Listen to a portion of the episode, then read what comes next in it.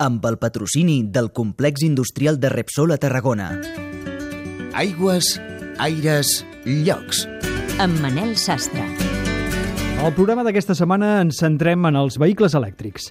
En primer lloc parlem de motos elèctriques i dels reptes de les seves bateries i per acabar escoltarem també com impulsen l'ús del cotxe elèctric a Mercabarna on també s'estan utilitzant energies renovables.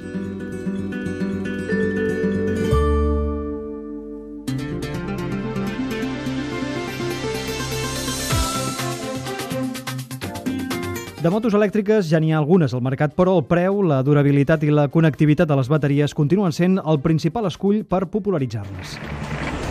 La mobilitat elèctrica eh, ja no és que sigui el futur, és que ja és el present. És Curro Voltó, el director general de la catalana Voltaco, que ha anunciat que torna a fabricar motos íntegrament elèctriques i amb disseny des de zero. Però quins són encara els problemes de les motos elèctriques? Doncs bàsicament les bateries i els sistemes de càrrega, però hi ha en marxa possibles solucions. A Reus, un consorci d'empreses que lidera Ticnova fa 4 anys que està desenvolupant un sistema de bateries de liti modulars i extraïbles que busquen donar llibertat als usuaris i no limitar els quilòmetres que pot fer el vehicle. L'avantatge és que aquest és un sistema modular, Albert Colom, director tècnic de Ticnova. que la bateria la divideixes en, en diversos trossos i tu aquesta bateria l'agafes i te la portes a carregar a casa. Casa, a l'oficina, on tu vulguis. El repte amb aquest projecte era intentar uns de Jordi Delgado, responsable del projecte EMIC a Ticnova. ser un dels primers per aconseguir arribar a fer un estàndard amb el que fos la connectivitat dels packs i la moto. Clar, això és un, un repte importantíssim per facilitar l'intercanvi de packs i motos, però alhora és complicadíssim, és el que em trobo cada vegada que visitem amb clients, que cada un té el seu sistema. Llavors, clar, el mercat no està prou madur com perquè això sigui una realitat. El mal moment del sector no està ajudant gens que el prop d'un milió d'euros que s'ha invertit en la investigació es cristal·litzi en una aplicació concreta.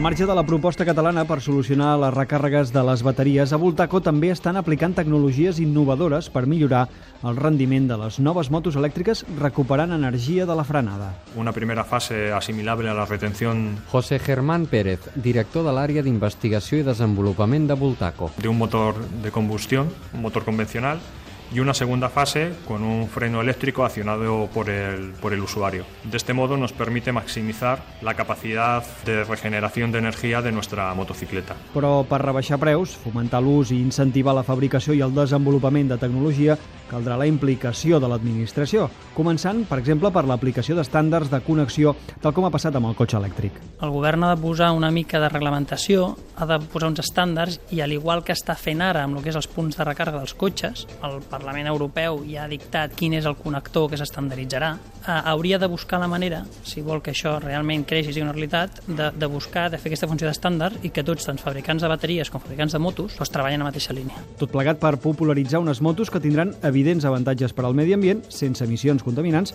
i així poder passar d'aquest so a aquest altre.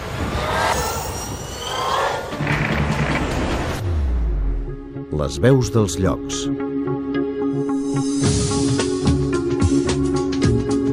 Tejedo, director general de Mercabarna. Les actuacions que estem portant a Mercabarna de cara a la mobilitat elèctrica és la presentació d'un acord juntament amb l'Ajuntament i en Nissan de la nova furgoneta elèctrica, la NB200, i amb els punts de recàrrega dintre de la unitat alimentària de Mercabarna per proveir de càrregues ràpides als vehicles elèctrics que estiguin a la unitat. A banda d'això, dintre del programa de Medi Ambient, hem posat una depuradora biològica que permet que les de- d'aigua al clavegueram siguin absolutament netes i també estem amb l'àrea de, de medi ambient amb les plaques fotovoltaiques com a energia alternativa dintre del mercat de la flor amb unes produccions pròpies d'electricitat importants i amb noves energies provinents de la desgasificació del gas del port que tenen que proveir al mercat de necessitats d'energies pel fred i la congelació. Aigües, aires, llocs. El complex industrial de Repsol a Tarragona forma part i està compromès amb la societat i el territori amb iniciatives culturals, socials, educatives i esportives de l'entorn. Repsol inverteix en polítiques mediambientals fent esforços per superar els objectius proposats donant importància a la gestió mediambiental responsable amb el planeta. Aquest programa s'emet amb el patrocini del complex industrial de Repsol a Tarragona.